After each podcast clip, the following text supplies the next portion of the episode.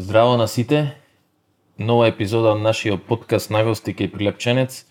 Зашто се вика подкастот така, тоа ќе го дознаете во последната епизода од првата сезона. А, сега благодарение до сите оние без кои ова идеја немаше да се реализира, првенствено до локацијата кај што снимавме, до пицеријата Верна 1990 и до домајчино Менде Младеновски и наша логистика сите овие деној, благодарение до Бојан Илиевски, директор на Светло и на фотографија, до Јосиф Трајковски, камера, до Лјупчо Тодоровски, продукција, аудиопродукција, благодарение до пријателите, до стоматолошка ординација Караджовски, до пекара Алекс и до моје пазарче. А сега нешто за гостино во оваа епизода ни гостуваше собственичката на Гласо, што не води во световите на нашите предци. Така може да се кажи. Муабетевме со Добрила Грашеска. Иначе во филмскиот свет ова би била акција. И о, мора акција некоја. Ама овде, пошто не сме во филмски свет, значи нема акција. Некоја Но може да има реакција. може реакција. Живели и добро ни дојде. Здравје и добро ви најдов. Вистина е тоа. Иначе со она, со подкастов, тоа сакав да ти кажам, не знам пратиш подкасти? Па, немам баш време. Овој мора да го пратам. А? О. Овој Ама мислам дека од тоа нешто вака што ти кажав, јасно ти е зашто станува збор. Да. Значи не е некоја ригидна интервју форма, се јас имам подготвено прашање, можев да се подготвам сега и да одиме по прашања. Ама поентата е она, што рековме, да, да бидиме тоа што сме и да си направиме муавен. Се знаеме со тебе недолго, така, мислам имаме ние константна комуникација прекрасна, ама да речам не се знаеме во живо долго, сме имале така неколку Да. средби. Да. И те немам, уствари, прости ако те имам, ама немам а, запамтено, конекцијава твоја со Прилеп, Да. да. ти стварно често си овде присутна во културниот живот, често настапуваш во Прилеп, ангажирана си вака и како поддршка што е случајов со нашиот подкаст кај што одма реагираш и рече да, а, настапуваш концерти, имаше сега со The Hounds. Која ти е тебе конекцијава со Прилеп? А, па, имам папучна врвца со прилеп јас. Аха. И јас одавде потекнувам, тука сум родена, тука водата ми е убаш ја пијам. Е, од тука ми се предците и по мајка ми, и по татко ми, одамна и едноставно јас така се се раскажувам себе си и се кажувам како прилепчанка. И сум. И ја постојано апро, апропо муабетов као да бидиме она што сме, јас цело време јас барувам на пример прилепски, кај да поидам, нели, низ Македонија, кај та, таму кај што можеме да се разбереме, јас само прилепски. И ја во Македонија сум попозната под името Прилепчанката. така што затоа сум јас често тука, идам да си ги видам моите тука. Тука ми е Ма домата. овде, овде си родена? Овде сум родена. И овде, а, до кога си овде? Пошто Е. знам дека веќе долго време живееш, работиш во Скопје, Да. така? Е па, види, а, овде завршив средно, после се запишав на факултет во Скопје и така, нели, онака студентски живот, малце Скопје е малку прилепо. за Запишуваш викенд. факултет, шо? Јас, аха, се запишав на општа и компаративна книжевност на филолошки факултет во Скопје и го завршив успешно. Да. И после малку пак се вратив Прилеп и заминав во Скопје, не по мој избор, ами ја мислам дека тоа беше можеби колку јас да се трудев да не биде така, да биде јас буквално сакав да живеам во Прилеп. Оти многу Ова сакаше, значи во минато време или? И се уште е истата желба, ама ка, има една еврејска пословица, вика вака, ако сакаш, вика, да го насмеш Господа, кажи му ги своите планови. И, и ја веројатно, кој знае колку се смееше тој со мене. Пошто моите планови беа да седам да живеам ај, може не сме господа, ама кажи ни ги. Па тоа ми беше као идејата дека овде јас ќе живеам, овде, овде ќе останам тука, ќе бидам блиску до моите и така. Ама Ова, ова е, твои визии за еднината на која возраст? Ова се, на пример, кој заврши факултет, да речеме на 25 години, 24, колку се има е тогаш, да се заврши факултет од 24.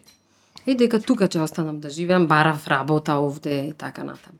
Арно, ама Господ имал други планови за мене и е, се, се, се намести така, што јас едноставно не можев да ја избегнам обврската или намерата, планоите, да живеам во, во Скопје. И така, отидов таму да живеам.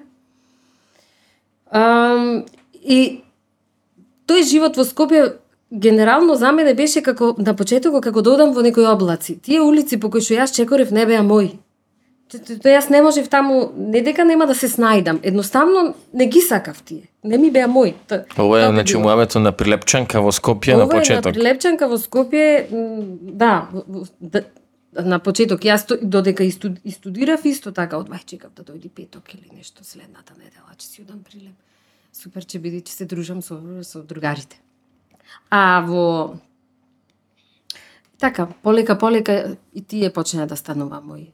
Имав отпор, го, генерално имав голем отпор кон кон кон живеењето таму, ама се навикнав.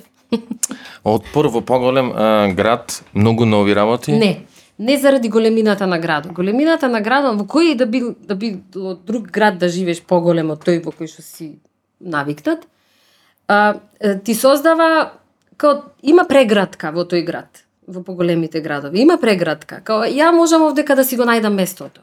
Во, во таа насока зборувам за преградка. Че си го најдам овде местото. Супер е овде. Овде че живеем овде. Ама градо што го сакаш не се улиците, не се туку се луѓето внатре. Тие што ги сакаш, тие што ти се мили, што ти се драги, со кои што муабето ти оди на прва. А, јас го сакам тој градски дух на кој што сум се навикнала или еснавски или чаршиски, на кој што сум се навикнала Овде. во Прилеп, да. И се тоа оде, одеднаш ми, го снема, Јас немав кој ќе излезам на улица на некој да му речем, еј здраво, здраво, еј ајде да пијаме кафе. А ајде. потребно е? Па да. Зато често навирам во прилеп. И затоа што истото се случува, знаеш. Таа блискост ја не, едноставно ја нема поеќе таму. Ја, ја изгубив таа во, во, во Скопје. Се разбира дека си создадав пријатели, друштво, комуницирам, се. Ама овдека тоа што ми беше, Тоа го по нема. тоа, по тоа жалам јас. Тоа го нема. Го нема. Добро, ма сигурно има нешто па овде што нема, така? Што е, а, пошто за ова мислам дека сите ќе се сложиме, поготово сите луѓе што идат од помали места и во животот на некој начин некого животот го приморува, некој се работи за слободна волја и одлучуваме да заминиме Така. во поголеми места. Сите знаеме дека во помало место таа емотивна храна е многу покалорична, многу подостапна. Така? Така. Мислам дека се дали е свесен за ова секој, не знам, ама Веројатно во моментот кој ќе го изгуби. Кој ќе го изгуби, ќе така, го, ќе го на, сети. на емотивен Аха. план, натре во себе ти Да. чувствуваш нека промена, може Да. не можеш да ја лоцираш, може не можеш одма да ја опишеш, Да. ама ти чувствуваш во поголем град го немаш тоа. Ама затоа поголем град се појавува еден многу поголем простор за себе си да се запознаеш. Некако. И тебе твоево себе спознавање. Почнуваш почнува како процесот и знам дека се одвива кај тебе. Почнува со Скопје. Се безпознавањето? Тебе с- се откриваш, мислам, тоа не те прешав со музикава, кога почнуваш прв пат да онака да бидеш привлечена од нешто. А, привлечена од музиката, па не, ја то не можам да го кажам. Де- дека постои тој момент. Тоа само постои. Знаеш, тоа е нешто кое е како некој воздух. Нешто то го имаш покрај себе, го дишиш и си живееш. Така и ја со таја, со музиката. А, да речиме дека во дека постои момент во кој што јас сум почнала да проучувам не знам, теорија на музика со тоа што сум се запишала во музичко училиште. И нешто да да учам солфеж, клавир, јас свирам клавир и така. А, дека то тогаш започнува, да речеме со почетокот на официјалното музичко образование таму, во кое? Во второ одделение. Значи во Прилеп Да, да, да. започнува. Да, да, да, да. Ама тоа е нешто кое си си стои, си постои, си го живееш. А, приказката со музиката е а, јас дома за среќа, мајка ми моја е многу таква музикална и таква продуховена. И и, и таја секогаш ни Продуховена, што подразбираш? Значи, продуховена, значи има онака високи естетски вредности, висо, високи естетски вредности. Точно знае која е таа музика што ја вреди и таја да ни ја пласира, ние дома три деца бевме. И сега ние, мајка ми, например, порано на телевизија имаш и на радио имаш музика.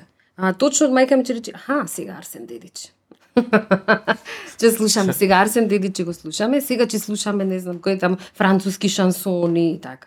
Тоа не е ништо наметнато. Чува е музика, мајка ви, мајка ти, односно, Да, што ја споделува со ова со најмала вредност, Да. од најмала возраст, Да, извини. Да.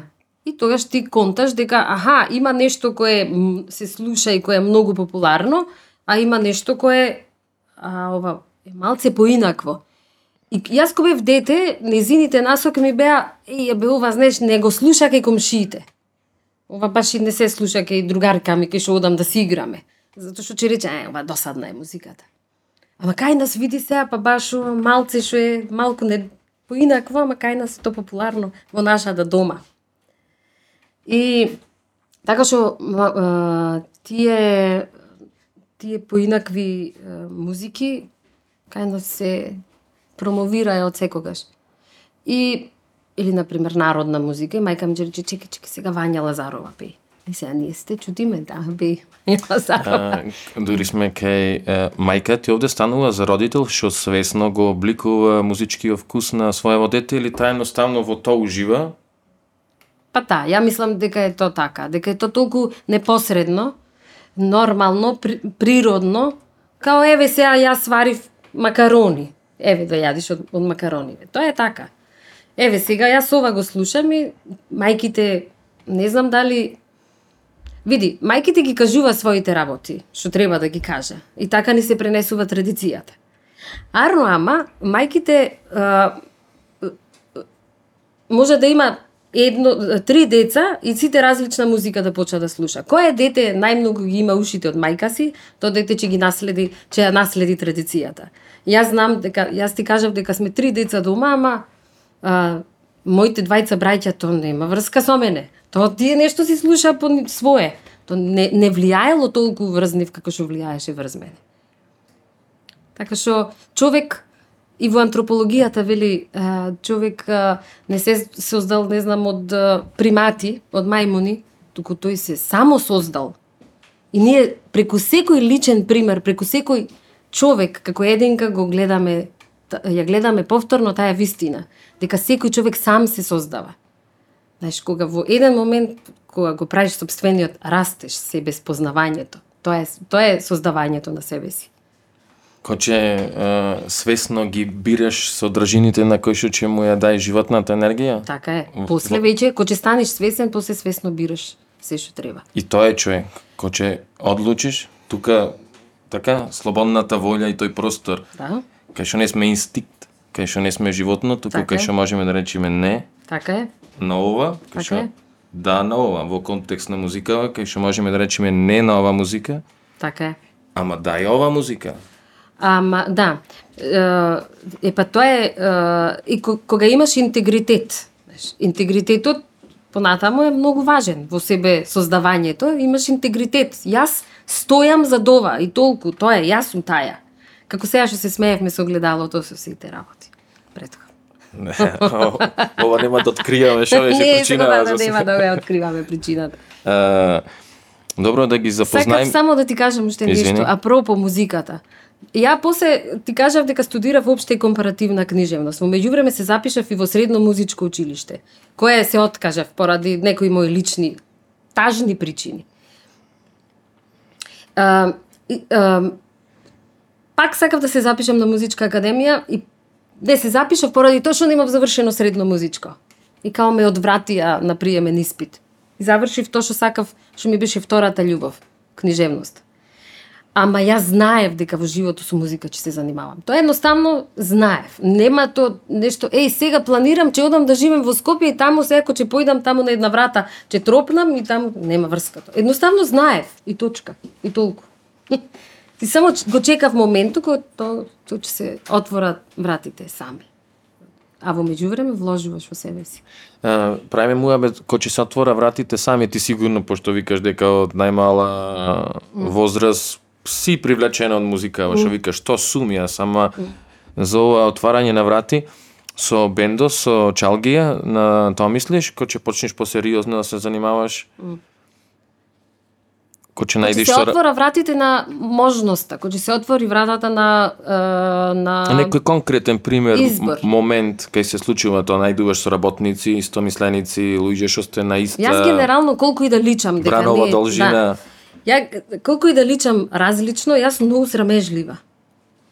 И моја мојава битка, всушност постојано сум во битка со себе си и така си го победувам својот срам, срам, стра, срам. а, и во тоа што комуницирам, онака баш некојаш стирам себе си да искомуницирам и така да се победам. А, в, слушнав на телевизија дека има а, курс, не курс, што зборувам, семинар, семинар за чалгиска музика. А многу сакав тој тип на музика, тој жанр многу ми беше близок. И, и пишува дека Вања Лазарова ќе биде учителка на пејачите. И јас викам, леле, колку сакам, а колку ми е срам, леле, колку сакам, колку ми е срам. Не, сега нема да одам јас на тој семинар, ја в петок ќе си одам во Прилеп, оти нели Прилеп многу сакам, не, петок ќе си одам во Прилеп и нема да одам в сабота на семинаро. Во петок реков, не, не, не, ќе одам јас на тој семинаро. Ама од надвор вака, од, одев таму внатре и ми беше како да влезам, што да Сега направам. го проживуваш па. Ау, да, уште еднаш. И кој гледам една девојка од Прилеп на оне на дескот ги прибира као пријавите и викам еј здраво. Еј здраво, ајде влегувај ти. Ама јас не, ама немаш пријава, ама ако немаш пријава, ако влези, влези, влези. И јас отидов, ја подпишав пријавата и отидов после тоа на аудиција. На аудиција, па ја не знам колку има, значи умре во срам, добро. Знам која песна ја пеев Мори чупи костурчанки, ама ти не знаеш со каков глас. Мори чупи костурчанки. И вика, ја вика. Нешто зборува таму. За по една година Доријан, м, со кој што најмногу се работувам, другар ми вика јас кога те слушнав тебе да пишеш целио се најжив, само не сакав таму јавно да кажам еве ја таја што ја бараме и така почна таа Значи, приказка. се работи за позитивен шок кај овие што те слушаат, така? Значи, а ти, ти мислиш дека саки знаеш да промува? Да, да, јас. А уствари кај им е откритие? Да, о, да, и ова кај се појави ова, од кај дојде бити, шо, од кај, која небо падна? И јас така со тоа се, се плашев, се срамев, се пустев, се штурев. А, и тргна ја часовите и престанав да идам секој викенд во Прилеп. Одев сега само на часови. сега на часови одев. Ете ја таму можноста, вратата, така. Не дека, не, ниту во тој момент ја не мислев, еј, сега мене, да, да, ќе станам сега фраерка, популарна, не знам што. Не, Шо едноставно. то, јас тоа го, тоа ми беше во тој момент нешто најдобро што сум го направила. Најдобро. И, и но ја мислам дека вистинските и правите вредности се во тоа што ти всушност не гледаш зад нив. Ти ги гледаш само нив како нешто кое постои. Значи ти не ја гледаш до што ќе стигнам јас, до која цел ќе стигнам ако го направам ова. Не. Туку јас го правам ова затоа што ова сум јас во овој момент. Ако човек мисла, ако човек то го направи, ако то го најди, ако е тоа со уживање, со радост и со љубов, со добро, е тогаш си ти тој. Тогаш тоа е тоа вистинското, тоа е вредното. И таму вратите после сами се отвора. Тоа не може и после, тоа не може да, тоа не може да се запри после. Знаеш, кој ќе се најдеш себе си. Затоа што вика талентот е најдоброто нешто што човек го поседува и ако успеа да успее да работи во тоа што е талентиран, тогаш е најсреќниот човек на светот. Демек не мора да не, не мора да работи Не можеш да работиш, да. А всушност многу мораш да работиш. Ама то нема да ти биде тешко. Нема да ти биде тешко. И после продолжи причата понатаму. Например, и ние имавме 20 пејачи бевме, сите заедно, кои почнавме во таа школа за чалгија, на која што уште еднаш ќе кажам, Вања Лазарова ни беше учителка.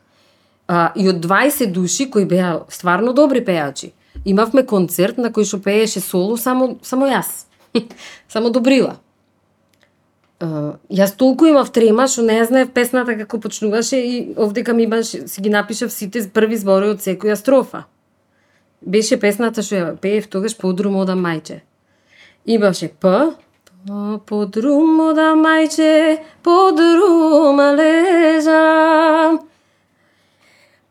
Подрум ода мајче. Вака и само почнав да пеам, вака, се се исплашена, отворам врака, раката, сето ова нема, не постои ништо, то се испотило, то сето пропаднало, и ја викам нема сега, ќе ги замижам очите и ќе отпем како што знам, па ако сгрешам, нека сгрешам. едно време, вака стојам, буквално на ваков микрофон, и почнав да бегам од микрофонот и нели ми е страф од него. И зад мене свири еден, една ајкула во музичкиот свет, во world music. Тој се вика Симон Шахин. Тој е светски познат уджија и виолинист палестинец, кој предава на Беркли во моментов, а свири со Стинг и со сите фаци. Тој ни беше нам гостин во школата. Тој учеше луѓе во што учеа уд и, и виолина. И само вака чувствувам некој ме стега за рака, ме турка вака на кај некое место и овдека застанува зад мене задува и ми вика stay close to the microphone. Јас застанав до микрофонот и така. И тука, да, после и други врати почеа да се отвора. После се создаде Чалгија Sound System на мое инсистирање. Пред да одиме тоа, тоа, тоа Да е нешто што многу ме интересира. Апсолутно, приоритетите се приоритети. Е, со чалгија, како поим, како збор, како област во музикава, ај појасни ми малце, што што се подразбира кога ќе речеме чалгиска музика? А, прво да видиме околу терминот чалгија, тој термин значи вид на музика, музички жанр, во кој што свират определени, точно определени инструменти. Тие точно определени инструменти се викаат и тие специфични инструменти кои што го дава тој вакав ориентален малку звук на чалгијата се ут и канон. И тие немаат прагови, тие се, нели, утот е, нема прагови. И токму то немањето на прагови може дозволува да се свират а, полутонови, четвртина тонови, шеснаестинки, значи тоа можеш тоа да го играш. Таја игра музичка да ја правиш. Истото се случува и со каноно, кој кој ќе се наштима и има таму некакви други нели, позиции и можеш до 16 тон да ти го намалува или да го зголемува да, баш висината на тонот. И тоа е еден, една од спецификите. Инаку чалгија значи свирење. Дали е Чалгаџија поврзано значи... со географско поднебје, дали Повр- Па чалгијата не, види, чалгијата, односно тој вид на музика го има во целиот Медитеран. Значи цел Медитеран, почнувајќи од и долу вака на Тунис, Алжир, Мароко, Египет, се свира овие сите инструменти во различни во различни форми и со различни додадени други инструменти. Може би некои там тамошни локални или различни е, удирачки инструменти, начинот на пеење е различен. И сега, значи, тоа го имаш секаде, секаде во Палестина, Сирија, во секаде во овој медитерански свет. Меѓутоа, ова што, на пример, кај нас е, чалгијата, од тој збор е повторно арапски, чалги. Тоа значи, од таму иди арапски е зборов, не е турски. И тоа е, е повторно означува музика. Музика, начин на музицирање. Чалги, чалгаджијата е човек кој што е музичарот, тој што се занимава со музика, со пеење. Така. Значи, а, ш- технички а, сличности, што рече, поврзано со инструментиве. Да. А ова друго, мотивите на текстоите, дали, а, пошто, еве, јас со моје непознавања, да речем, а, то секош ме асоцира на дали е тоа карактеристично сега само за нашиве простори, не сум сигурен. Може и за сите овие простори сега што ги што ги наброи. За некоја емотивна болка, за некое патење, пошто така некако челгијава не можем да речем дека има весели ноти, има весели моменти, ма сепак на таков начин мислам дека најголема површина во наше емотивно битие допира. Дали Па види, тоа знаеш како, па емоциите најмногу се разбудуваат а, на љубов, нели? На љубов, а посебно на несреќна љубов. на тоа мислам. И сега, ако че имаш ти несреќна љубов, тогаш имаш добра тема за пишување или така за создавање. Најдобра. Најдобра, така вика и Фройд. Нели? Поетот создава тогаш кога емотивниот објект му се губи. И тој себе си се губи во собствените емоции, тогаш седнува и пишува. Тоа е начинот на кој што ти повторно се поврзуваш со битието што ти е важно. А што би рекле Едгар Алан По, вика најтешко е да најголемата болка од сите е болката по изгубената жена, но по смртта, односно по умрената љубов. И Така, него му се Така. има случајно тоа. Не му се случило, да. Зато ги пишува тие такви песни. Но, зато и во Челгијата и народниот овој творец истото го прави таму. И пишува за, за тие, нели, љубови. Такви, такви изгубени, нере, нереализирани, не... Такви. На народниот творец, значи, е, скоро секој не се знае изворот, така? Никогаш не се знае извор. Освен на, во моментов кога почнува да ги, да ги пи- запишуваат. Сега од 20 век веќе знаеме кој што напишал, како напишал. Или макар некој аранжмански што направил. Аранжманските промени исто така може да се знаат. Ама, што, во народното творештво тоа нема. Што ни говори тоа? Тоа ни кажува за за развојот на духот, за духовните вредности ни кажува. Затоа што види, не можеш ти да Вчера размислував за една песна. Не можеш ти да ја направиш песната ако немаш високи духовни вредности. За А која јас песна? За која песна размислував? Да. Прво една друга, значи а, ти се армаса, јас се разболев. Тоа е една песна од Егејска Македонија која сега јас ја свирам, ја пеам во последниот албум. А, пази, таму има песна, песната оди као јас толку многу те сакам, ти се омажи за друг, јас се поболив, се разболев, легнав да лежам болен, ама видов, не видов, станав и дојдов да те видам. И Јас вика дојдов во селото во кое што си и те видов тебе кај што печиш леп. Прекрасно. Прекрасно. И таа печи леп во фурнава ја запалила печи леп. И, и вика вака, ти ко ме виде, просто се најде, као се сплашила таја, онма и се нашла на нозе, рипнала го видела и вика, конјо ми го фати, раката ми ја баци. И овој се вика, с рака ти подадов, чеки да поплачам малце.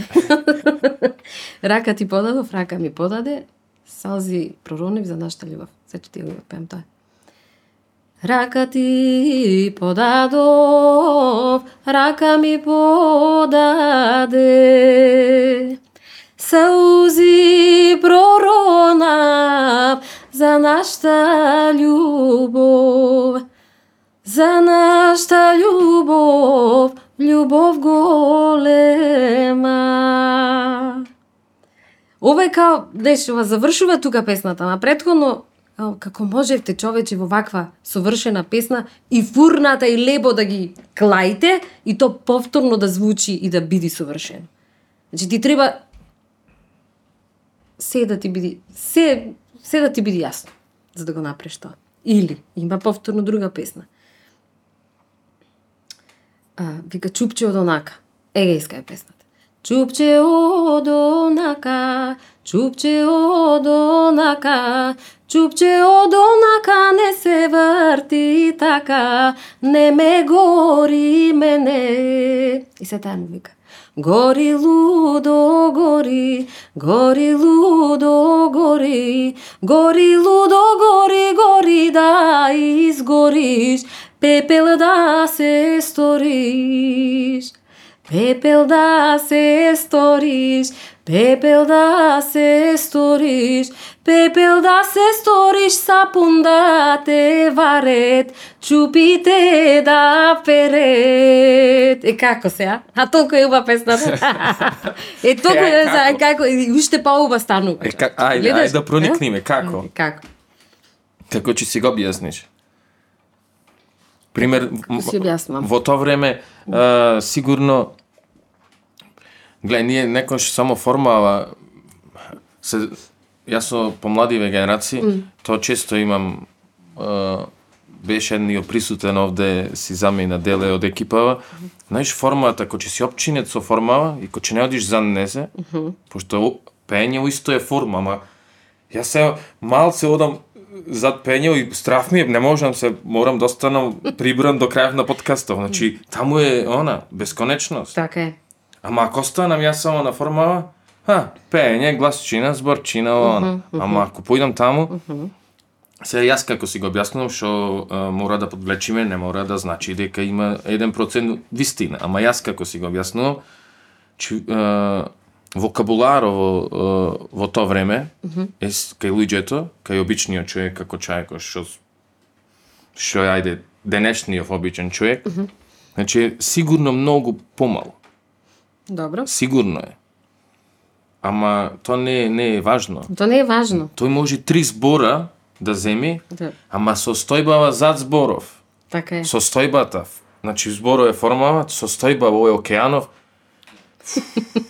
Е што е тоа? Е сега- метафизика. Е, Тоа е па, метафизика. чиста метафизика. Чиста метафизика. Тоа е тоа. Значи магија. Да. Зошто баш тие зборови вака делува и зошто некој на јас некош често ќе накитам некоја реченица, Да. ќе звучи перфектно, знам нема ништо. Свесно сум ја накитил. Може само Сум наредил зборои. сум имал можност, Да. можам добра координација да направам со говорниот апарат, имам доволно избор на зборови, че, ама нема ништо. Некош само три збора ќе кажам. Каде? Сапун да те варе, човек, сапун да те вара. И уште го зафркава. А тоа совршено, човече. Значи, она што се случува секој ден, ние ќе си го направиме во песна. Така? Оти тие се зафркава. Сега читав некои некои други текстови. Знаеш, јас на втор факултет сум, треба да го завршам, тој вториот. Тоа ми спомна. И сега па повторно читам некои те- текстови други. кој, кој е вториот факултет? Ова е македонски јазик Добро. сега. На македонски јазик се запишав затоа што сакам да бидам лектор. А единствено можеш да бидеш лектор ако завршиш македонски јазик. И јас како попче си се запишав и сега имам уште еден испит да дипломирам. Но тоа не е важно. А, но тоа не е За се. кого како но тоа важно, е, ќе, ќе ти кажам зошто ајде. Е, и сега таму читам а, овие битови драми.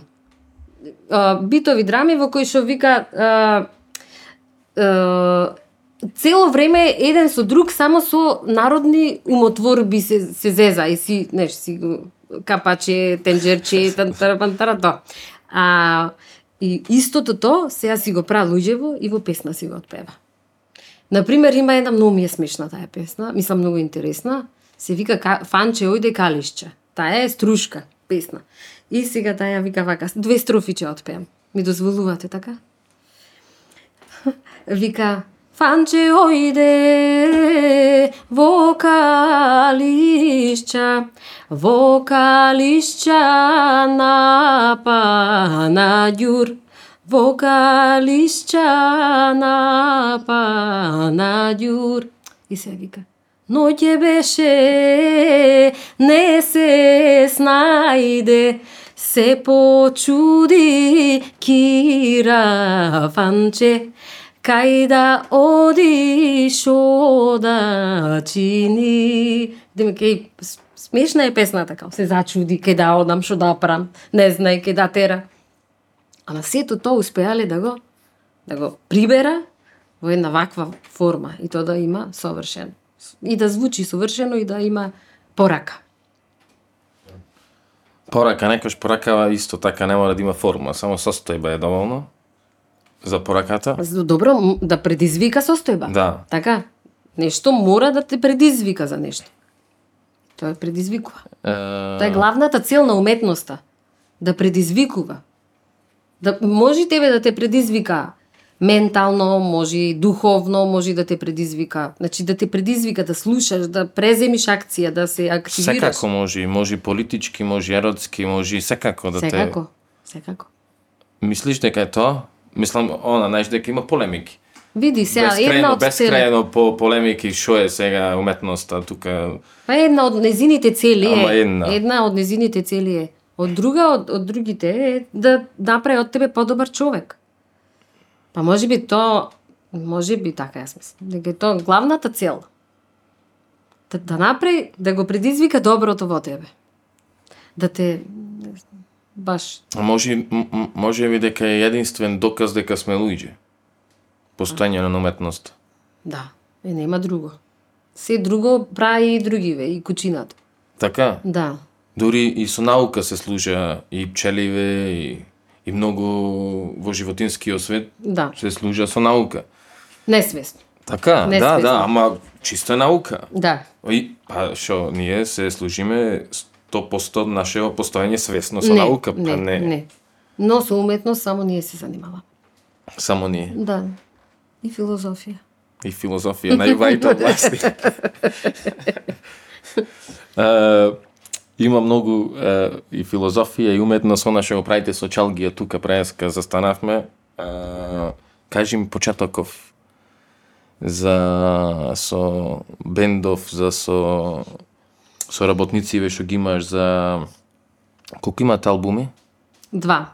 Два? Два со чалгија саунд систем.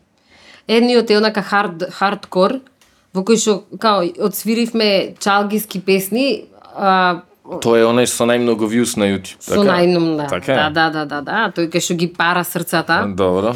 А, а вториот е ав- авторски албум. Тој се вика Тихувај. И тоа е авторски, авторска музиката, текстовите и така. Тоа е сето. Друго. Во една друга форма се префрлиме, односно тоа што мислевме дека, не, тоа што го носевме во нас и го направивме. Тихове Да. последното? Имам јас уште еден се албум, но тој е актуелен, сега, во моментов, а тоа е Апокрив, ама тоа е во друг проект. а, Тој ја и Доријан направивме дуо, Доријан што свири ут. Двајца сте да, тоа. е, сега имаме дуо, јас пеам, а Доријан свири на ут и лупови и лани го снимавме албумо и сега го издадовме. Чекај малце да те задржам. А, ме интересира нешто во врска со Чалгие. А, имате настапувано доста се на нашите простори, да, ама и во странство? Да. Па види, една од негол... еден од најголемите предизвици со Чалгија Sound System беше да свириме во Турција. И сега неш на турците, што се, а она меракли баш, и што свира мајсторски на сите инструменти овие што ги имаме. И што ни дале материјал, И што ни дале да, материјал, да, да ги што ни- направиме Да. песни и сега да го да, вратиме. и сега одиме таму. И тоа беше главна финта, ама работата е во тоа што македонската чалгија е автохтона музика. Ние не сме реплика на турската музика или на османлиската или на византиската. Ути а, една од најгла, најголемите теории, највистинските теории е дека всушност челгиската музика е си влечи корени од византиското пеење, византиското пеење. Главното, главниот доказ дека е византиско пеење се овие тонови кои преска ги кажував, кои ги има и во византиското пеење и во челгиската музика, и дека и едното и другото се создаваат на друг начин на пишување музика, други скали. Таквите скали се викаат маками. И тие во цел а, Медитеран, односно во цел ориентален свет, така музиката се, се, се пишува по тие маками. Како што ние имаме а, квантно тркало, квантно, квинтно тркало, па имаш цедур, дедур, гедур и така натаму, овие се имаат маками со различни имиња. Меѓутоа, она што кај во западнов начин на музика, таму е изострен слухот на, на друг начин, увото поинаку е научено да слуша. А ваму толку е навлезено во една друга филозофија, во друга мисла, во кај макамите, што на пример постојат маками што се за ут, за угреј сонце. Значи на угреј сонце се свири еден макам, една песна. Во, та, во тој макам, во таја скала се свири една песна. Имаш за Зенит кој е сонцето, во Зенит. Значи музика поврзана Значи, со природни поврзана појави. Со природни појави, да. Имаш за за за за зајди сонце. А, во Мароко има музикан музичари кои свират маками со кои што се верува дека се лечи рак. Луѓе одат таму на музичка терапија и луѓе им свира, платени музичари, што знаа која нота кај треба да се свири, и со таа фреквенција лечат рак кај луѓе. А ова, значи, джалгискава музика е една од тие, од тој извор си црпи вода. Кај нас се судриле таја култура, источнава култура, со западното влијание, и се создава ново нешто, нешто ново, како деца што се раѓа мулати, вакви, такви, дали? Убај. Кога се измеша расите, па обе луѓето станува. Та така и овде. И се, се измешала овдека музиката, малку западно, малку источно влијание, и се создава македонска чалге. Нема друга. Така што ние во Турција го беливме образу. Да. Кон, конкретно кажи ми, не, реакција кај Турција. Па знаеш, тие многу, како што ти реков, многу меракли на музика се. Ја прв пат таму се почувствував како звезда. Дури имав соба во, Во која што Турција можеш, беше звезда. Да, во Турција. Имав соба за да се преслечам. Обично овдека во коли се преслекувам. Показател за е, звезденово небо. За звездалија, за да, да. Да, така беше. Стварно. Турците како како сакате. Што сакате? И мен беше срам од то, то толку, значи толку внимание ни дадоја. А зна, има познавање шо е? Да. Пример, настапувавте каде?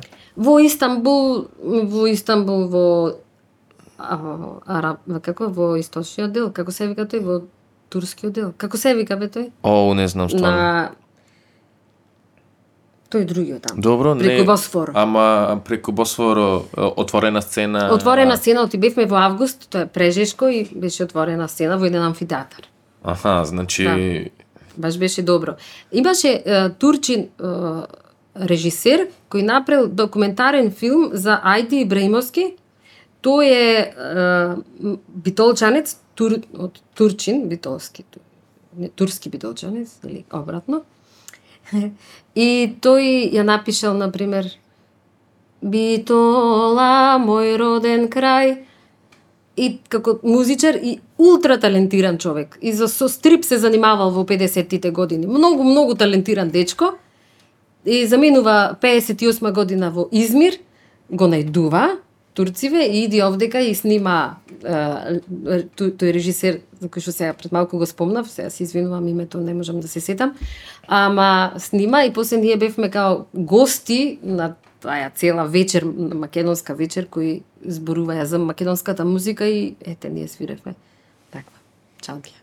а, некоја паралела со нашава а, публика, пошто викаш дека корените на нешто се Аха. многу поблиску кај нив, а, има појче познавање, појче некако Види, тие таму се радува кој ќе препозна некој дел парче песна што е што ја има кај ни во нивната музика или нешто ќе ги подсети на нешто друго или ќе рече а ова потекнува од тој и тој крај. Затоа што од музичка академија ни беа домаќините. И тие тоа значи традиционална потекнува музика. од овој и овој крај. Да, Може. тие нешто ќе најда, на пример, некој парче од песната, ќе рече, аха, ова тие толку добро зна музика, ова од таму потекнува и ќе рече, а, ама кај нас после се истранува. Си, си, си нашла нашата песна собствен пат. Тие може да, да препозна сличности, но то не е, зато ти викам, не е, не е то реплика на, на турската, османлиската или не знам која музика. То не е реплика, то е создадена, само создадена. А ваква почит кој што- рече прв пат се почувствува ко, ко, како звезда, то е, од страна на ор- организацијата, Од страна на организацијата. да? Да. Значи, организацијата знаеше што значи нешто, знаеше за вредноста и Се- така ве третираше. зна- Да, се зна, се. Се знае. Буквално. Беа предобри. Пре, предобри. Е, ми помина нешто само низ менталниот простор ко го објаснуваше начинов како се создавани, ај уште еднаш подсетиме на имево на овие Маками. Маками на макамиве. И нели им го спореди со начинов во западнава. Така, а, музика и, на, и после Чалгијава, исто така рече со дека во Чалгијата се приметува остатоци од византисково, така се се и не знам само така ка- ми се појави е, византиското, византиската музика е, е школска музика, така? И, Во- има има своја а, да, да речам во тоа време сигурно некои институции може да се изучува. А, имаш учители, имаш некои правила, не знам ова само предпоставувам. Добро. А чалгиската е поиќе некако Традиционална. Underground, Да. То ти е она што е, е непризнаеното. Така Тоа е- непризнаено. така, Е сега непризнаеното. е, слушале таму некој шопрај е, да речем кај што создава византиска музика, Така овие талентирани и се Така зема нешто техничко што ќе Така му е. помогне за да го Ти колку си паметен човече. е, и, и тоа останува Така и е. тоа останува како остаток. Така. Значи- Созда, да додаваш своја сол, тураш сол. Ние имаме материјален куп, ама го зајаме само техничко, Така. за да за да ги она да ги А во стегнеме нешта. меѓувреме, а во меѓувреме во Македонија, додека ти земаш од таму од Византија, некој оџа слушаш кај што пеи, така, вика тој од таму од минарето, и тоа, ама тоа, тој некој убаво оџа што пеи. И Да, да, да, и- «А, Вика, ај ова е добро, чекај ова вака, ова ќе го направи, и ова, и пиче се издудни песнава, се издуднува така. Значи кради занает, Па да. тој не може ако е да речеме од некој понизок слој во, во, во тогашното друштво, значи не може да си приушти, пошто тогаш музиката, сигурно само, да речем, најбогативе има можност фамилии да му приушта на децата да се школува и сега некој талентирано таму Така. е, То само сунгер. младо момче, а Да. полно со емоција. Може и девојче. А, може и девојче се. да видиме, равно проблем.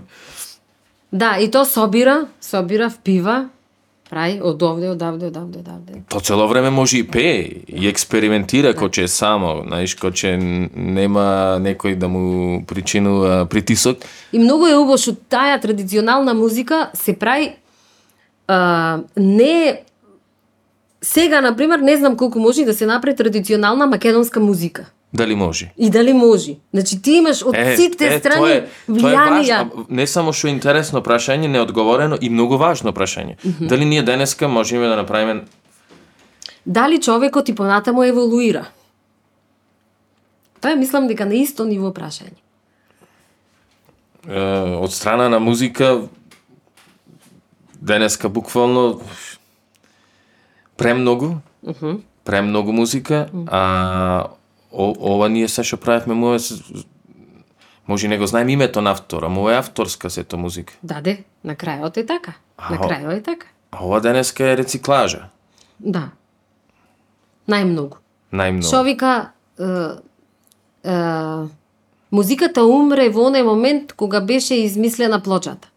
Значи, во моментот кога музиката престанува да биде ефемерна, моментна, таја повеќе не, не ја губи својата вредност. Тоа е една исто таква теорија, ама е многу интересна за размислување. Затоа што знаеш, тоа што се создава во моментот, тоа е вечно и од таму ако успеш да скубниш нешто, тогаш си ти фаца. Ама знаеш, лесно е, е, се да купувам, оти сто пати че си го преслушам, нели грамофон, виш грамофон. А, сто пати тоа ќе си го слушам и тоа ќе влези, па нешто ќе си скубнам одавде, нешто одавде, да, да, да. И се замисли, затоа е ова уба музиката, оти тогаш е без тие силни влијанија одавде, оданде, и од лоша и од добра музика, создавана, и се, се, се направила, И- и, таја си има вредност друга.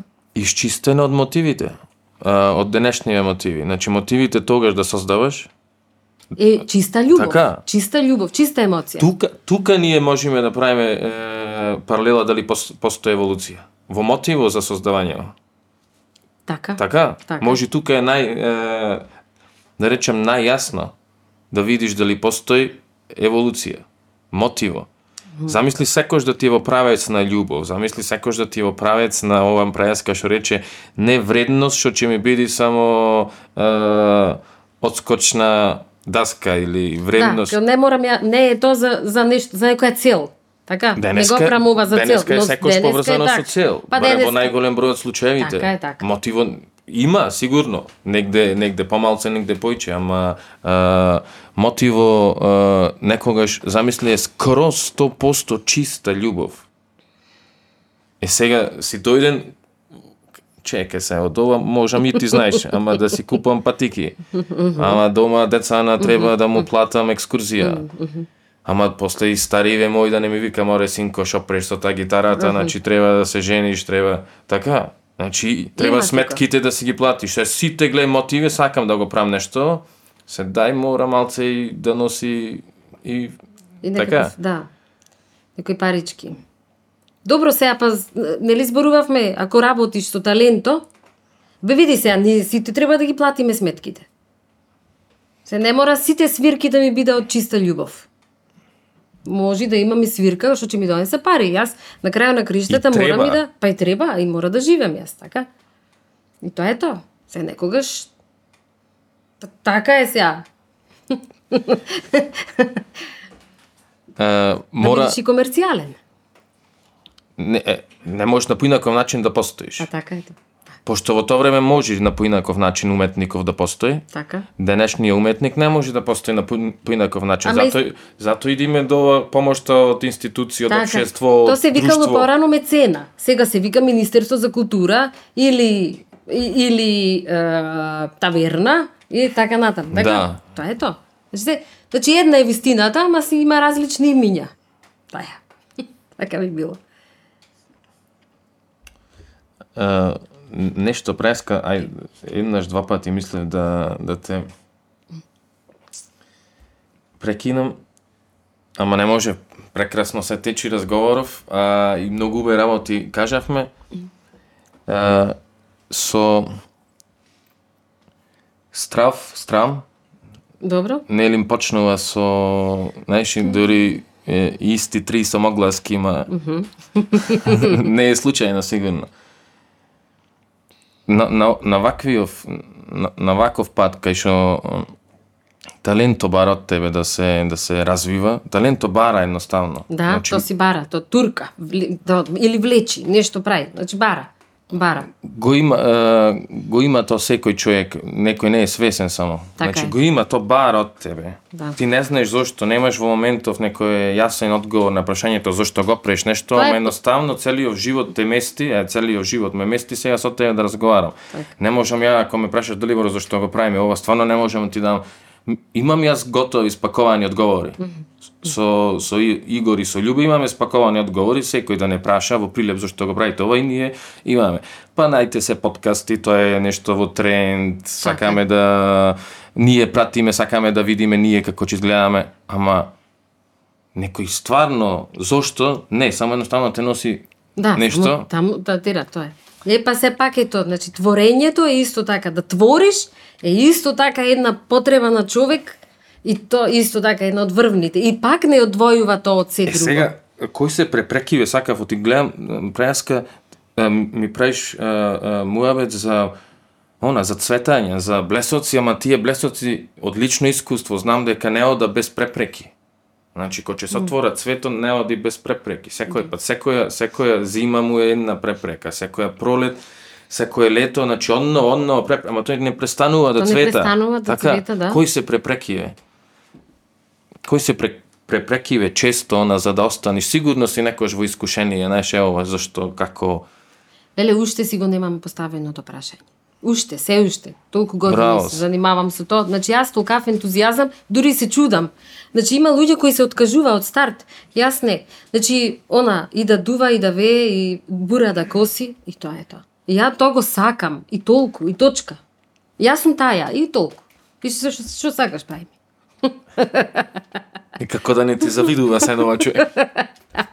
Ме тоа стварно е љубов, човече. Тоа е тоа е чиста љубов. Ја барам така мислам, не. Се, има многу описи, ама не ми е тешко ништо да направам. Ништо не ми е тешко. Ништо. Ја мислам дека во мојот речник, во мојот вокабулар, то као тешко ми е или ме мрзи, Тоа не постои. Јас сум така, си ја терам. А за музика тоа ми е приоритетот секогаш. А, а, но не можам ни да кажам дека ми е приоритет. Едноставно, јас така, тоа е тоа. И чао. Се сретнав со еден другар и вика, прв пат нашето познанство беше ова е добрила? Ова е добрила? А? Ова е добрила? Да. И јас го слушам, ама си терам, во апореја беше. Во хармосини тој пее. И, и вика, абе дај, викни да се запознаеме и се запознаваме. И тој вели, јас те слушнав тебе на телевизија. И вика, и се прашувам, као, па како може некој вака да пее? Ај кажи ми како. И јас сега не знам што да му одговорам. И, и вака му викам, знаеш викам како? Вака. Јас имам дете. И моето де... јас ако пеам, и моето дете кој ќе дојде да ми речи, е, ај дај ми да јадам, дај ми да јадам, јас му викам, да допем, па ќе ти дам да јадиш. Сакам да ти речам дека ниту тој ќе биде гладен, но ти нема да му дам во тие пет минути, ни, ништо нема се случи во секојдневиево. Ама со ова убајна ќе се случи, таа убајна ќе се скрши. И ако се скрши таа не, не треба да се скрши, таа треба да ја негуваш. Треба да ја Ама гушкаш, и да ја ништо ганеш. не мора да се случи со бајнава. Ама, ама, Само да постои. Само да постои, значи тоа е врвното. Значи, еве да замислиме дека живееме во, во космосов и нигде не постои еден цвет. Липа нигде не постои во космосов, да замислиме. И само на едно место постои никоја нема видено. Само малиот принц. ако постои. Само малиот да, принц. само малиот принц. Не ружаво, така? Да. Значи, ако не мора никој да има видено. Да. Не мора никој да има мириснато. Да. Упајнава сама по себе, Да. доволно е да Значи постои. постоењето е тоа, значи постоењето. Ти не, значи ти кој си ти бе да го скршиш тоа? Кој си бе ти? Тебе ти е даено тоа да го негуваш, има тоа да го правиш човече. Е, ајде да му кажеме на клепчање, че луѓе, правите го тоа, негувајте го. Па да, као епа не можем сега, мене не ми се излегува, не знам ми се спија. Бе, како ти се спија, човече? Само стани, излези и нема повеќе да ти се И, спија. и некош не се работи за создавање, не се работи за напор, некош не се бара, усвен најчесто не се бара а, од најголем број од луѓе во ништо, само се бара дај ми поддршка малце. Не да ми даеш нешто материјално. Има концерт, има представа, има некој поет, има некои интересни луѓе. 300 чуда Стани, се случува. Стани, Стани. Појди Не биди и таму нека ти баба. биди досадно. Да, и таму значи нека ти биди досадно таму, не мора дома. И тоа е доволно. И тоа е доволно. Знаеш, вака вика. Но има многу... Не, не, ништо не се случува во градот. Мхм, Добро. И се че, че има свирка. Например, се јас зборувам за мене. И се има концерт. Еми, кај бевте бе луѓе? Шо ве немаше? Шо оти не дојдовте? Еми шо знам си си лежевме. А ви за лежење секоја вечер ќе лежиме. Дојдете ако ви се случува нешто, тогаш сторете го напору и мрднете и дојдете. Нема што е таа енергија не треба залудно да биде даена. Како можеме тоа да го поправаме? Како можеме Ја- е, не ни е, да речам индивидуално. Mm. Знаеш, индивидуално многу ми се бендисува таа мисла од Ганди, така така се така струи дека е од Ганди, небитно од кого е. Значи, биди промената што сакаш да видиш во светот. Да, биди ти промената што сакаш да ја видиш. Значи да. не постои друг начин.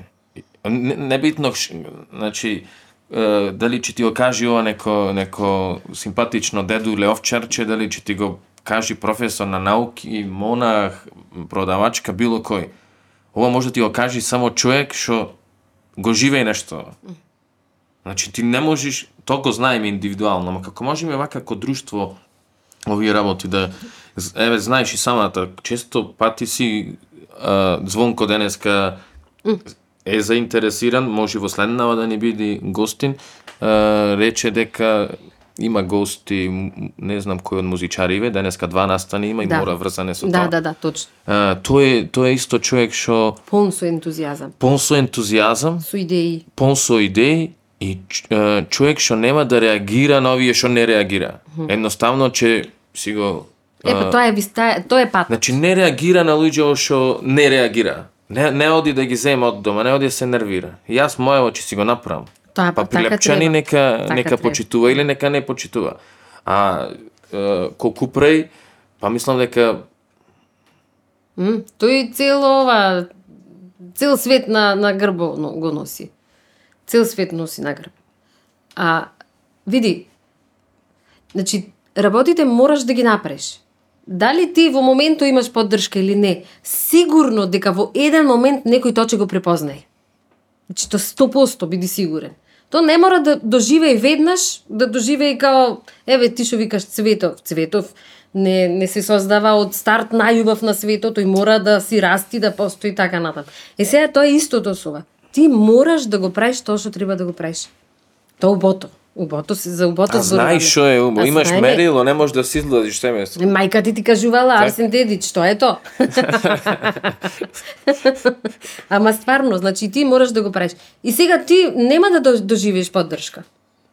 Ма то не значи дека ти треба прекиниш. Како така да прекинеш? Значи, шо ако ми рекол да ми се јади, па шо, че ти дам да јадиш, како нема да ти дам да јадиш? Но тоа мене не ме прелоша мајка. Јас само ти кажувам дека е добро со уметност да се занимаваш. Мислам да се занимаваш, ти да бидеш уметно. Ти си моето уметничко дело. Ти си тоа. Јас сум уметничко дело, ти си уметни, ти е то, значи тоа треба ние да видиме. Ние сме уметноста, тоа што го правиме, тоа е тоа, тоа, тоа сме ние. И сега добро не мора ти да ми даваш поддршка, па шо? Некој некогаш ќе ми дај поддршка. Така? Чи го препознај. Имаше Джим Джармуш една многу добра, има многу добар филм, овој uh, Only Lovers Left Alone, Alive. Да, да, со Тилда Свинтон. Со Тилда. И сега uh, се појавуваат тие баш во Мароко, се во амо во И Мароко. многу добар саундтрак има филмот. А? Апропо. Страшно. И сега се појавува и ода на една девојка Јасмин што пее. И тоа се случува 20 секунди музика, пее таја, некоја таму совршена музика. И овој вика, леле вика, каква е ова девојка, што бара овдека као да свири, да пее. Вика, но се надевам дека ќе доживее успех, ќе стане популарна. А тој вика, се надевам дека никогаш нема да биде популарна. Затоа што популарното не значи не значи добро. Знаеш, тоа што е најпопуларното не мора да, да биде добро, но добро е што има и нешто што не е популарно. Зашто таму се вредностите. Не да е добро ова сега, дури се вртиме со а, ружава во космосов, најшисто што ми текнува така. Е, некој филм ми се создава во во умов. Значи, хипотетички, нема нема на ниту едно место цвет, ја нема ружава. Ама си живее луѓево некако. Не знаеме како живе некој други, не, нема многу бои во некој свет. Така. И сега еден од овие може еве да речеме да се 300.000. И еден од нив некако не му се интересни овие 300.000 и почнува да шетка навамо натаму. Ни си вилово оди, оди, оди, оди. И нонстоп кој ќе се врати мора шо правиш. Значи ело ваму ово да го правиш, ние што го Во правиме. Јатово врати се кај Значи- нас, врати се. То сме ние, то си ти, не може се... Јој пак. Уметник, така? Уметник. И оди ја најдува ружава. Најдува прв пат ружа, но нешто малецко, црвено, мириса. И што се случува во него, значи, портал. И се враќа сега. Откровение што И му кажува, луѓе, ово мора да го видите, што да видиме. Не можам јас да ви е, значи, можам само да, да ве однесам кај, морате сами да појдете. И сега таа една мала ружа има можност 300.000 Да ги, обземи. да ги да ги измести од едно место на друго и да му отвори по еден портал. Тој портал ќе му отвори интелигенцијата, таа интелигенцијата ќе му помогне како да засада појче ружи, Така а кој кој го покренува тој? Е, овој ништо што не прави. Овој што не ичи да види ко нас. Да, да. И врати се ела кај нас. Ела кај нас, кај нас ти е поубо. Да, тука е, отиде кај нас топло. Смрди, ама е топло. ама е, значи човек, уметникот мора да биде доследен. Доследен во барањето. Во потрагата. Доследен.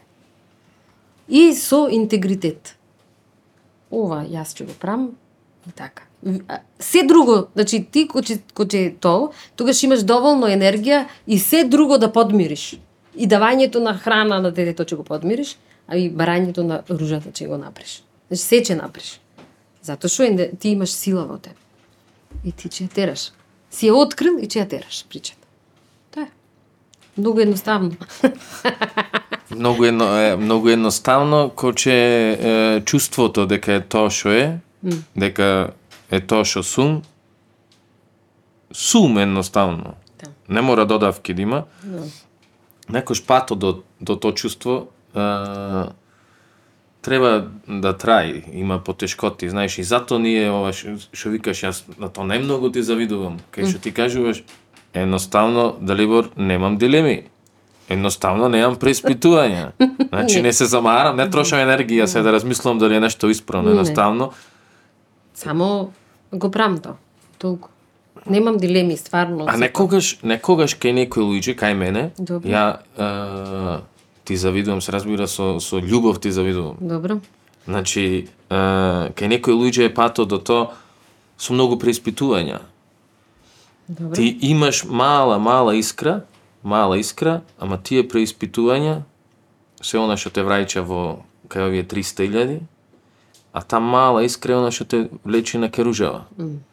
И се умо, како наш орган, што чија аналитика е 24 часовна дури кога ќе спијаме, и тој мора да анализира, мора да мери, да, мора да преиспитува.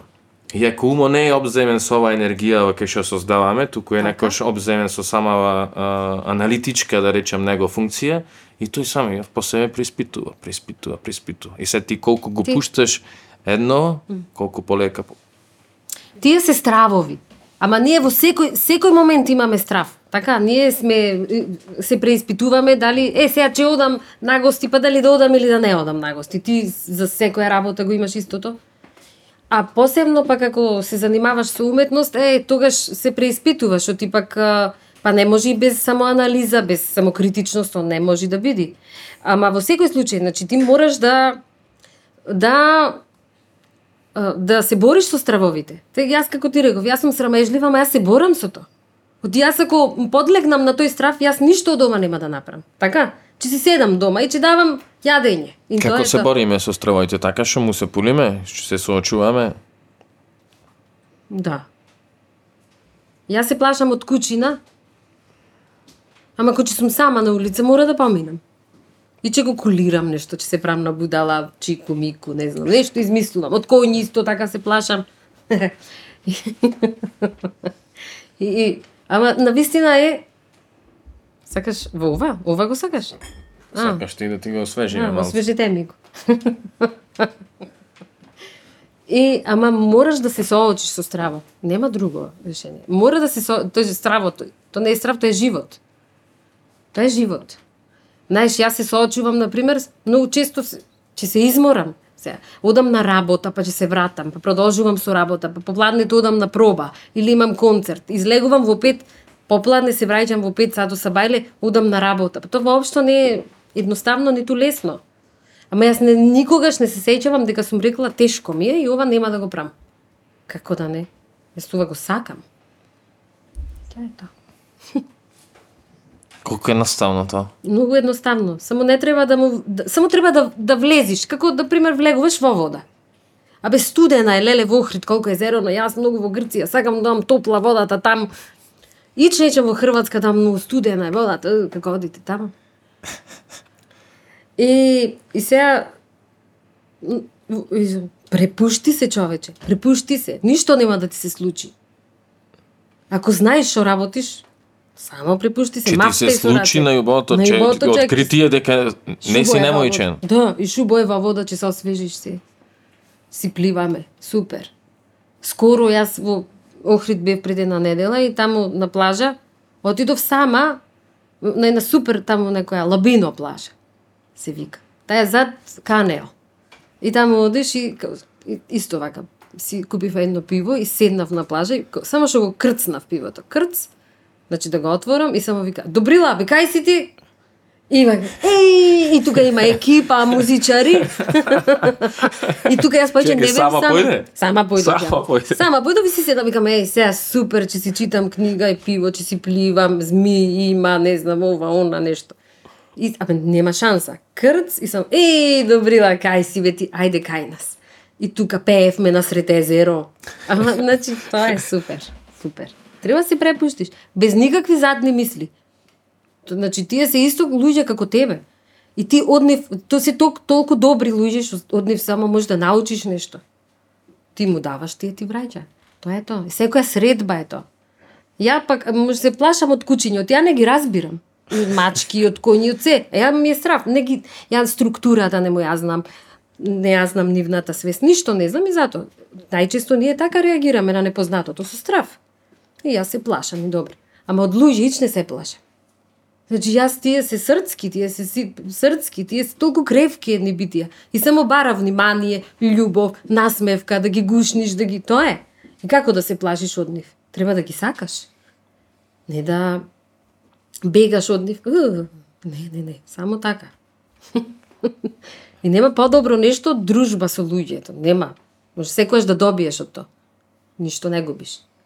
Си мала прилики да присуствуваш а, во друштво на луѓе што да поети. во, во друштво на намчори. И Шо, така? полно другари И има намчори, Така, тумруци што. Ама колку и нив може таа љубов, после неко време и човеков олабавува. Па да, и, че- Не може да врати со иста мера, отите Не на љубовта, за да врати со иста мера мора и тој да врати со љубов. ти мораш да го збуниш него. Така. Значи ти мораш да го збуниш и шо, го збуниш со насмевка, да го збуниш со, Со добрина, песна. со песна. Значи то и тој еј се шо е ова и вика еј ја многу сакам да се дружам со тебе. Отивам ту убаво ми е со тебе, лесно, забавно. Не сум повеќе тумрук. Така Тихомир Јанчевски поетот, тој ми е еден од главните тумруци е тој, а еден од најдобрите мои другари. И јас секогаш му, ја тој вика, кај си мори ти, задоцни две секунди, тој тако ве тој точен нешто. Ја само трчам околу него. И тој само рече, ти мори, само да доцнеш ко права магедонка си. И ја му викам, тихо, многу те сакам. Толку? И тука завршува се. и што вас шо? Не може против љубов, ништо не може. Кица Колбе, Кица Колбе, ја знаеш писателката, таа е филозоф. Живе во Германија и, и писателка, и предава на факултет. Прекрасна една жена. И таја, а, имавме некаква фейсбук комуникација и вика, па како се снајдуваш во Македонија? Луѓето знаат да бидат малку по серт, така малку по шо да не ги наречиме лоши или малци понервозни да речеме. Така. Викам, абе слушај, никој не одолеал на насмевка и на гушкање, никој не одолеал. То шо, зашо некој би ти се лутел ако му се насмееш? Или ако му кажеш нешто фино. Ја многу се радувам и последно почнав и така да слушам дека најчесто кога ќе се собериме, озборуваме некој друг. Знаеш, е, е, овај, овај, ваков, не знам што. И ја пред некој ден сретнав еден дечко, овде во Прилеп, кој кажуваше многу бај работи за една моја другарка. Јас бев одушевена. Чи почна да се менува, да се менува работите, да кажува и луѓето за другите убави работи. Тоа е многу добро. Абе се менува работите, не може и стално истото да биде. Колку е стварно убаво да, она, да си помислиш, прво, дека е, одсутен си во некое друштво и во друштво некој за тебе не за егово. За егото то, тоа е она калорична храна, ама како човек, знаеш, во не, одсутен си на некој друштво и некој таму во моментов зборува за тебе убо. Значи, Нема па поубо. Не, нема па поубо. Значи, убо е тоа, знаеш, треба да се трудиме да кажуваме убе работи. Значи, најлесно е да викаш, најлесно е да пцујаш и на тој начин да ги решаваш проблемите. Најтешко е кога ќе се соочиш со нив. И, ама да ги решиш на нешто на подобар начин. Значи, не или да кажуваме се за нашите другари, е овај ваков или овај таков. Абе луѓе, тие ти се другари, ти мораш да ги поддржиш. И тие се кутрички. Како тебе што ти треба внимание, така и нема му треба внимание, па немој да бидеш безобразен. И на се значи поддржи го. Па поддржи го, па така. Не можеш да сите сме Немој да се онма да немој онма не мора не мора да одиш по него, не мора ако прави е, не знам некоја клупа да му ги носи шејчината, значи не мора. Ама ако ти кажи дека ќе правам клупа, е се ти си ненормален, ќе правиш клупа. Да, да. Не мора тоа. Не е тоа, не е тоа. Немој да биш, да. Значи, кажи дека еј супер, зашо ти е клупата. Ама поддржи го со тоа што ќе го премолчиш твојов нагон. Е, да, или да, на значи така ќе го. Најмалку значи, што можеш да свесен за моментов кој ќе ти надојда содржиние, Глупостите? Фуп. Да. а тоа е исто поддршка. Значи да премолчиш некому кој ќе има идеја, кој ќе е занесен, поготово ако е млад некој. Е што сака нека му текне. Значи што сака сега нека прави скали за до месецов дете, но? Значи тоа не може да направи фазла ако е лкицко ќе направи 3 метра скали максимум. Не може до месечина да направи. Ама немој да му речеш, значи не може да направи 7 месечина, земи нешто побаметно да има тематика вежба. Премолчи. му. Само чути си, да. Најмалку што можеш и да чутиш. И во моменти клучно и најмногу. Да бидеш мудар. Да бидиме мудри ние, ние сме цело време мудри. Ах, Е, имаме, еве ми, добро, ми кажуваат од режијата. а, од режија ни кажува сигнали, ни, е, ни пушта дека уште 10 минути. Е, нешто што не допревме од темиве, а дали е нешто поврзано со твој проект, со некоја идеја во иднина, што сакаш да ја реализираш, со нешто што семова дека ти останува уште еден испит по македонски за да бидиш лектор, така? Не, после па ќе полагам за лектор. А после ќе полагаш за Тоа прва, лектор. се значи До- за да тоа кога ќе дипломирам. се заврши? За да дипломирам треба. А после, па не, само да дипломирам прво. После тоа ќе го направам. Сега многу работа имам и некако го пододложувам тоа. Оти овај новиот албум си бара внимание и тој треба да му се Во смисла на промоција? во смисла на промоција на на пеење, на концерти. И тој така баш е, е, има добар одраз во светов. Мхм, И Имаме интересно. веќе имаме неколку концерти што сме што сме ги закажале за иднина, што почнува на пример од 28 септември, свириме во на Тодо Мундо фестивал во Србија, во, во Белград. Во Во Белград. Белград, да, во СКЦ почнува тој. Е, култно место. Да, на култно место ќе имаме.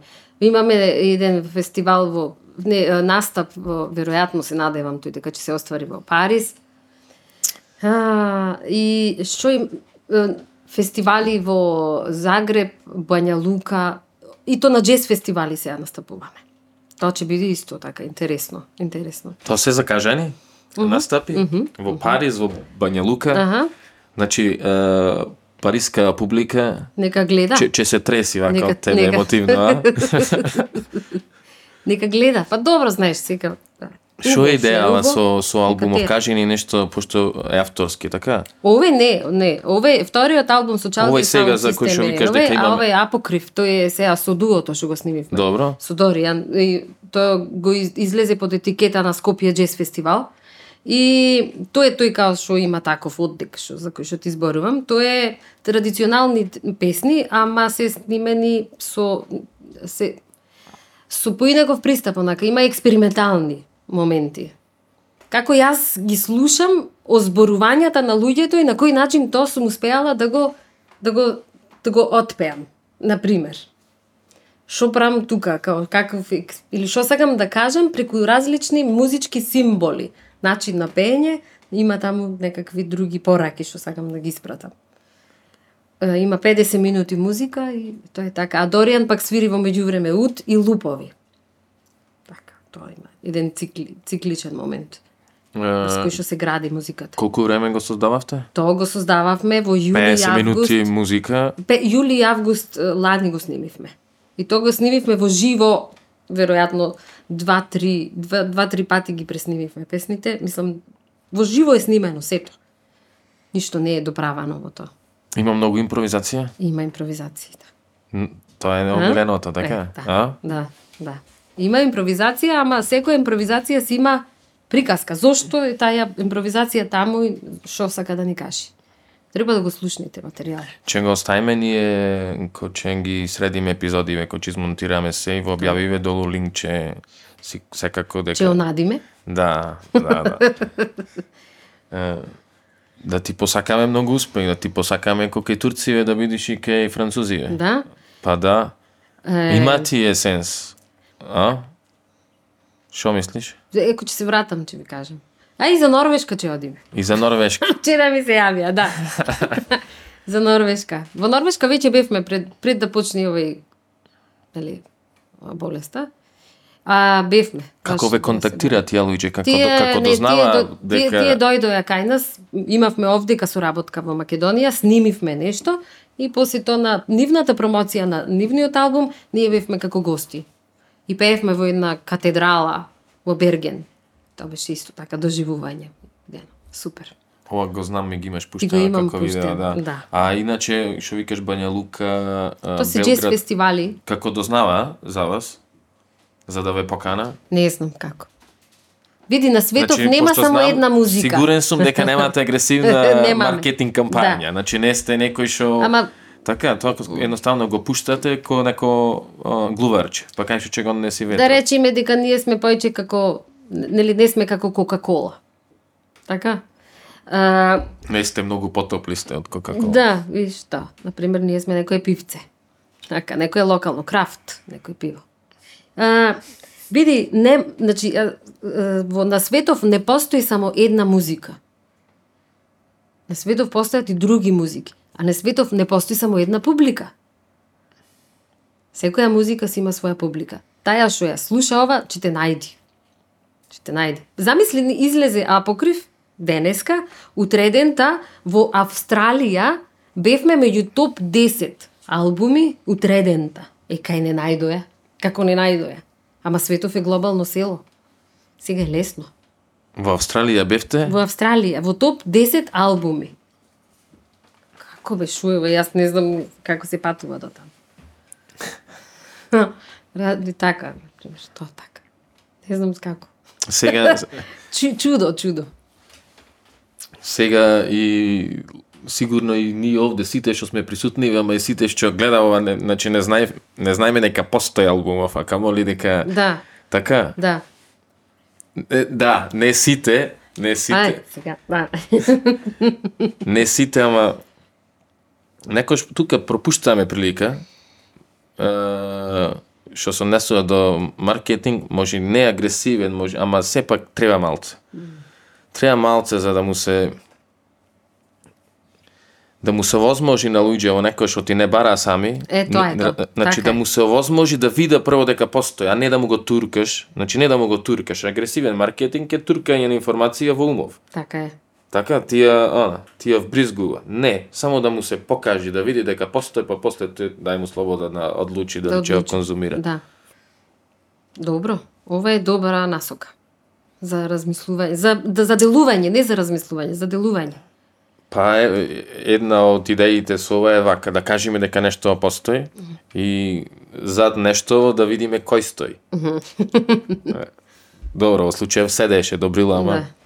Добро, да. Ама зато зборував. кажи ни нешто, уште еве за крај, Ајде. пред да се поздравиме, ако сакаш нешто да ни кажеш, ако сакаш на некого да му кажеш, на прилепченек сакаш, на присутние, и полека, полека да, да викаме е, до гледање. Па, види, дека треба да се потруда, се има, се постои, се има, се е достапно. Да се потруда треба да го пронајда тоа што што му одговара нив. Не мора да се служува со тоа што му се пушта на, не знам, на радио или на телевизија дека тоа е единственото нешто кое постои. Не, мора да се да се ангажираш себе си за да го најдеш што тебе најмногу што ти годи тоа што од тебе ќе направи подобар човек. А не што ќе те остај на тоа ниво или ќе те спушти на некое друго ниво. Најлесно е да го земиме тоа што е најблиску до нас. Најлесно е. Ама треба малку да се помачиш, да стигнеш до некое друго ниво. Вложувај во себе си. И не мора стално нели да лежиме пред телевизор, можеме малку и да поработиме. Да ги поддржиме уметниците, да го поддржиме тоа што е добро и да како да му дајме шанса. И почесто се дружиме со нив. Така. И ко ќе видиш дека постои нешто, може би во тебе нешто ќе пронајдеш добро. И тогаш ќе ќе си копаш, ќе си работиш на себе си. Фала ти. Фала ти безкрајно, стварно. Мислам дека сите уживаат ова. Да, да, да, да. На здравје. Се гледаме во наредна прилика. Се гледаме, се слушаме, се читаме. Се читаме обавезно. Ти благодарам. Фала Ви ти. благодарам на сите.